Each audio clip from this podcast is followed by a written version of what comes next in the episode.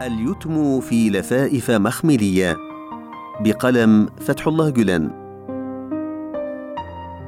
الإنسان يحتاج إلى القرآن والقرآن يحتاج إلى الإنسان في التعبير عن ذاته وجوهره. يحتاج إلى مخلصين اصطبغت قلوبهم بصبغته فاستحالوا قرآنا.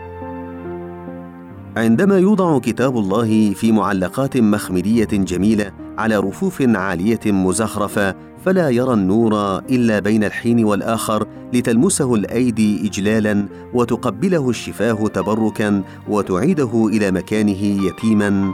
فمعنى ذلك أنه سجين لا يستطيع التعبير عن نفسه والإفصاح عن حقائقه. كيف وليس هناك من يمثل رسالته السامية واقعا. لقد كان القرآن حاضرا وفاعلا في الحياة على مر القرون. كان الدليل الهادي والروح السارية لجميع البشرية منذ اللحظة الأولى التي تجلى فيها على الأرض.